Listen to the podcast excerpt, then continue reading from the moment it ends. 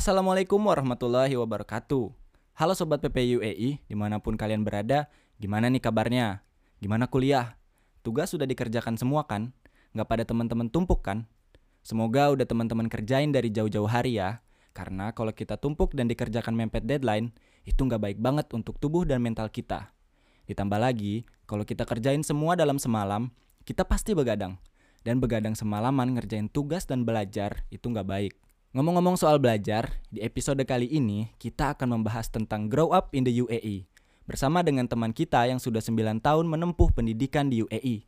Jadi, welcome to the PPI UAE podcast.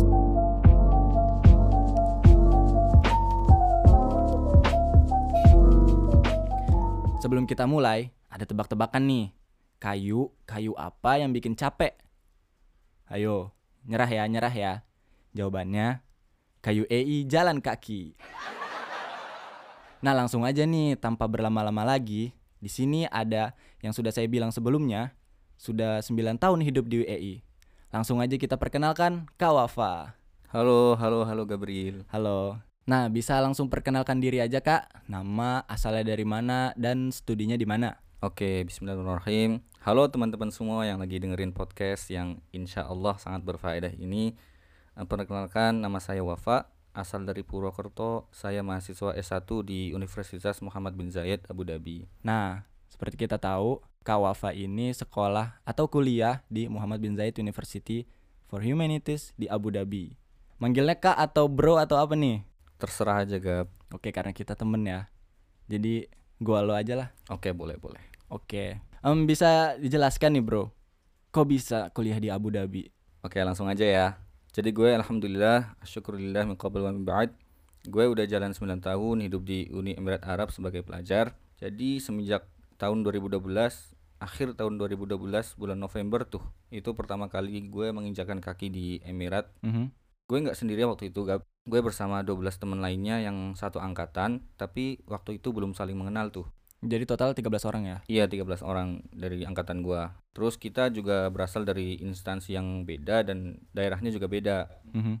Jadi alhamdulillah gue salah satu penerima beasiswa program SMP SMA ditempuh selama 8 tahun. Oke. Kemudian setelah program tersebut selesai, gue diberi kesempatan melanjutkan beasiswa lagi, tapi kali ini untuk jenjang S1 di Abu Dhabi alhamdulillah. Eh, mau nanya nih, itu awal mulanya gimana sih? Kok bisa dapat beasiswa? Jadi awal mulanya dulu tuh yang tahu informasi mengenai beasiswa ini ayah gue gap. Jadi beliau iseng-iseng apply tuh Mhm. dan qadarullah keterima. Terus singkat cerita ngabarin keluarga, terus ngabarin gua dan orang tua ngasih kebebasan sepenuhnya ke gua buat mutusin nerima atau enggak dan ya akhirnya gue terima. Oke. Apa yang buat lo mutusin untuk mengambil beasiswa itu? Wah, sejujurnya pas itu gue bingung banget tuh. Ya yang namanya anak baru umur 13 tahun ya Mhm. Masih kecil banget tuh. Iya betul dihadapkan dengan situasi buat ngambil keputusan besar kayak gitu susah dong berat apalagi gue di umur segitu kan sejujurnya belum sekalipun kepikiran buat studi di luar negeri sama sekali Mhm. jadi alasan utama gue saat akhirnya mutusin buat ngambil beasiswa itu tuh karena mikir itu kesempatan gue buat nggak ngerepotin ibu gue atau seenggaknya ngeringanin beban beliau lah Iya, iya. itu alasan utama gue emang agak ekstrim pemikirannya dasar bocil bocil Nah, itu kan sudah 9 tahun ya di sana ya. iya betul Totalnya ya dari eh, datang pertama kali ke sana sampai sekarang udah kuliah. Nah, kalau boleh tahu secara singkat gimana sih awal mula hidup di UAE?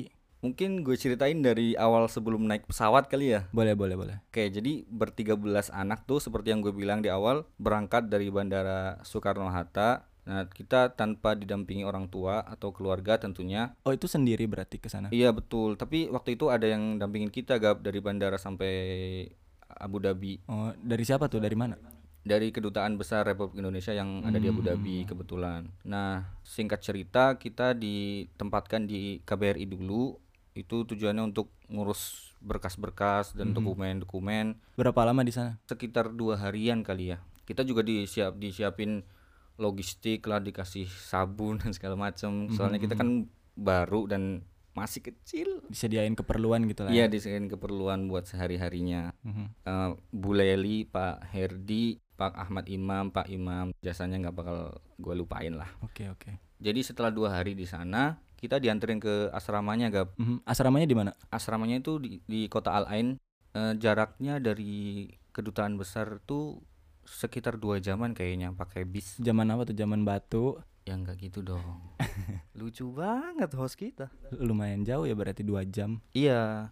Terus pas kita nyampe ke sana, ternyata nggak semuanya orang Indonesia. Oh ada dari negara lain. Iya betul, yang sama nerima beasiswa kayak gue juga waktu itu. Ada yang dari Afrika, negara-negara Afrika, terus dari Thailand juga banyak. Terus negara lain kayak Cina bahkan ada, Rusia, Bangladesh, ya dan lain Bener-bener sebagainya. dari seluruh dunia ya. Iya. Itu yang paling banyak dari negara apa? Yang paling banyak tuh kebetulan dari negara Afrika sih. Terus Thailand juga banyak. Nah itu waktu pertama datang apa ada kesulitan dalam eh, komunikasi sama yang dari negara lain apa enggak? Oh pasti kalau berdasarkan pengalaman gue pribadi ya gue bahkan sempet ini komunikasi sama orang mancanegara pakai bahasa isyarat Waduh. paham nggak tapi bukan bahasa isya- isyarat yang beneran cuman ah gitulah nggak jelas Oke oke. Tapi pasti seiring waktu berjalan lama-lama bisa kan ya dengan bahasa Arab atau bahasa Inggris gitu kan? iya alhamdulillahnya Mhm. Cuman butuh penyesuaian juga sih Nah ngomong-ngomong tentang penyesuaian nih, suka sedih nggak sih kayak kangen Indonesia, kangen keluarga di rumah? Pernah nggak sih ngalamin sedih?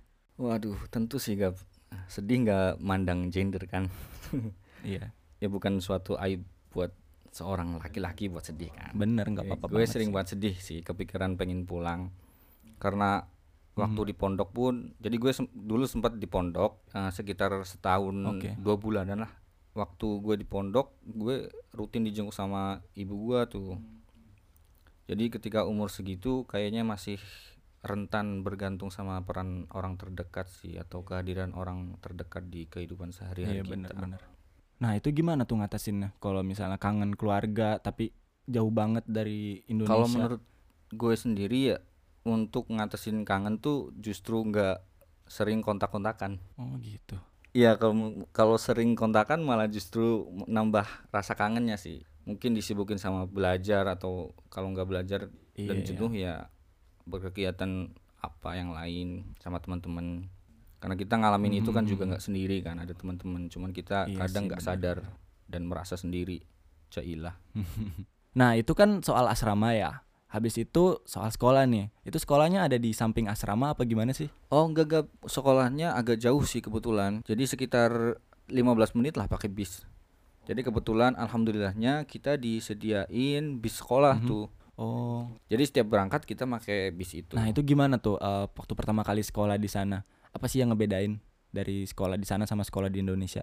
Wah, menarik banget sih. Kalau sekolah di sana tuh mungkin dari segi bangunannya ya, bangunannya udah beda banget. Mhm. Kalau bangunan Indonesia kan hampir semua bangunan miring gitu ya, ada gentengnya. Mhm. Nah, kalau di bangunan di Arab tuh landai rata gitu, po- kotak Oh rata gitu ya. Oke oke. Nah, kalau dari segi kurikulum yang paling membedakan ya dari sekolah Indonesia tuh Mhm. bahasa pengantarnya kali ya, Gap. Oh. Pakai bahasa apa emang? Bahasa pengantar di sana tuh pakai bahasa Arab dan bahasa Inggris. Oh oke. Campur ya. Terus kalau di Indonesia tuh kan dua semester ya, satu tahun. Iya. Kalau di Arab itu satu tahun tiga semester. Loh. Oh jadi 12 dibagi tiga gitu kayak empat bulan empat bulan empat bulan. Iya betul. Hmm, terus terus. Terus pas pertama kali kita masuk, kita ternyata nggak ditempatin di kelas reguler, Gap. Hmm.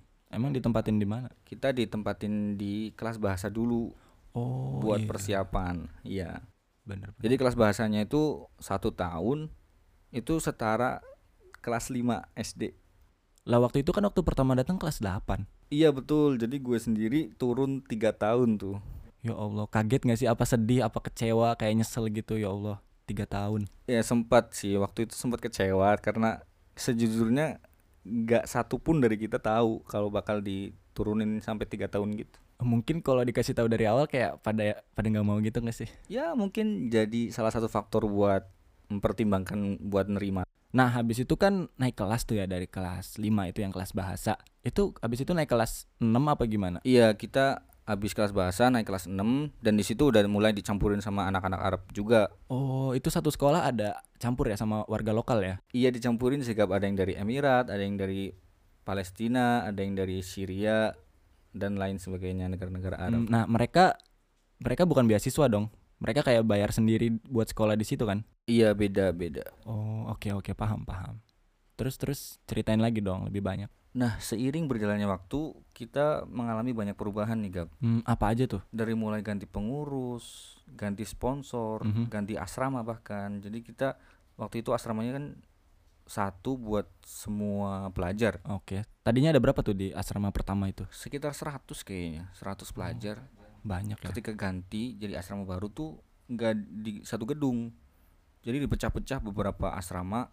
Waktu itu sekitar 7 atau 8 gitu. Masih dalam satu lingkungan kan? Enggak jauh di daerah beda-beda. Terus terus Terus di asrama yang baru itu per asrama cuman berisi 15 orang hmm oke oke.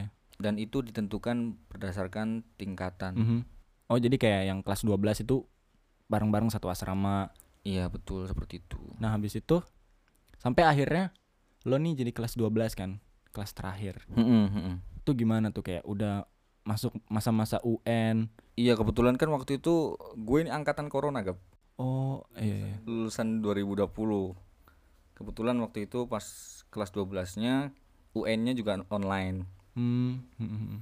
dan singkat cerita kita UN terus lulus nah setelah lulus SMA itu gue langsung apply beasiswa di Muhammad bin Zayed University for Humanities di Abu Dhabi dan alhamdulillahnya keterima cuman itu Oh, beasiswanya beda dari beasiswa yang lama Oh, jadi udah lepas ya dari beasiswa yang sejak kelas 5 SD itu. iya udah Udah nggak ada lepas hubungannya. bener-bener, mm. Nah, setelah semua pengalaman itu yang datang dari kelas 5 SD sampai akhirnya lulus dan akhirnya alhamdulillah melanjutkan kuliah di sini lagi. Kayak sempet mikir nggak sih kayak nyesel udah ngambil keputusan buat datang ke UAE. Siapa tahu kan kayak kalau waktu itu gua nggak ngambil keputusan itu, siapa tahu gue jadi hidupnya lebih baik karena di Indo. Hmm, Gimana hmm, tuh? hmm. Eh, big no sih Gap ya kayaknya kita semua tahu ya nggak ada sesuatu yang terjadi tanpa kehendak yang di atas Benar. dan segala yang ia kehendaki tentu yang terbaik. Cuman kita sebagai insan biasa ya, al insan mahalul khoto wan nisyan, manusia tempatnya salah dan lupa. Mhm. Kita terkadang nggak bisa melihat hal itu. Oke. Cuman ya Gap, ketika gue mutusin buat nerima beasiswa ke UAE itu bukan suatu paksaan ya, karena gue kan dikasih kebebasan sepenuhnya untuk memutuskan. Mhm. Jadi nggak bisa dibilang paksaan sih, mungkin lebih tepatnya apa ya? Pengorbanan kali ya. Tapi nggak semua pengorbanan berujung penderitaan sih Gap. Masya Allah. Ya pada titik itu gue merasa itu suatu pengorbanan karena bukan berdasarkan keinginan gue untuk melanjutin studi di luar negeri. Mhm. Tapi seenggaknya pengorbanan itu memberikan orang tua gue kebahagiaan dan meringankan beban mereka Masya dan Allah. sisanya ya tergantung gua gimana caranya berdamai dan memanfaatkan segala nikmat yang Allah kasih. Nah, buat sekarang ini nih, nanti kalau udah lulus kuliah dari Muhammad bin Zayed University di Abu Dhabi, ada rencana nggak sih buat lanjut hidup di UAE? Pasti kalau lulusan UAE ada kesempatan buat kerja di sana dan tinggal di sana mungkin mungkin ngebangun keluarga juga di sana. Ada nggak tuh? Aduh, Pertanyaannya bener-bener bukan sekedar grow up in UAE. Iya. Kalau gue, gue pengen banget sih gap ngerasain kehidupan yang agak berbeda di Emirat. Mhm. Maksudnya di luar kehidupan jadi pelajar ya. Oh iya. Itu kehidupan berkarir dan bahkan berke- berkeluarga di negara ini. Mhm. Jadi itu salah satu rencana ke depan yang kalau gue dikasih kesempatan tersebut, gue akan bener-bener pertimbangin untuk ambil sih. Pun gue nggak bisa seenaknya mikirin diri sendiri nih dalam memutuskan untuk ngambil kesempatan tersebut, karena ada ya ada pertimbangan-pertimbangan di mana itu melibatkan orang-orang terdekat gue, ya Mhm.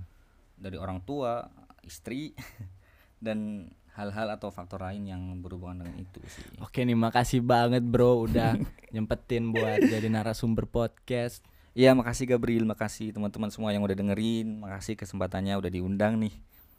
Gue pamit dulu ya kali ya. Oke bro, hati-hati di jalan ya. Siap. Assalamualaikum. Waalaikumsalam. Nah, sobat PPIUI Podcast, gimana tadi bincang-bincang bersama Wafa? Pasti menarik banget kan dan banyak banget pesan yang bisa kita ambil untuk hidup kita agar lebih baik. Nah, langsung aja lanjut ke topik selanjutnya. Gue bakal ngebahas tentang gimana sih cara merawat tanaman dengan Assalamualaikum. eh ada yang ngetok. Asik banget kayaknya nih kak. Oh, lu mau ngisi podcast selanjutnya ya? Iya, kenalin saya Syirsyad bakal ngisi episode 3. Wah, sobat PPUI Podcast, kayaknya gue harus pergi nih. Iya kak, gantian ya. Giliran saya yang ngisi. Ya udah gue pamit ya. Saya Gabru Firman Syaharis mengundurkan diri. Wassalamualaikum warahmatullahi wabarakatuh.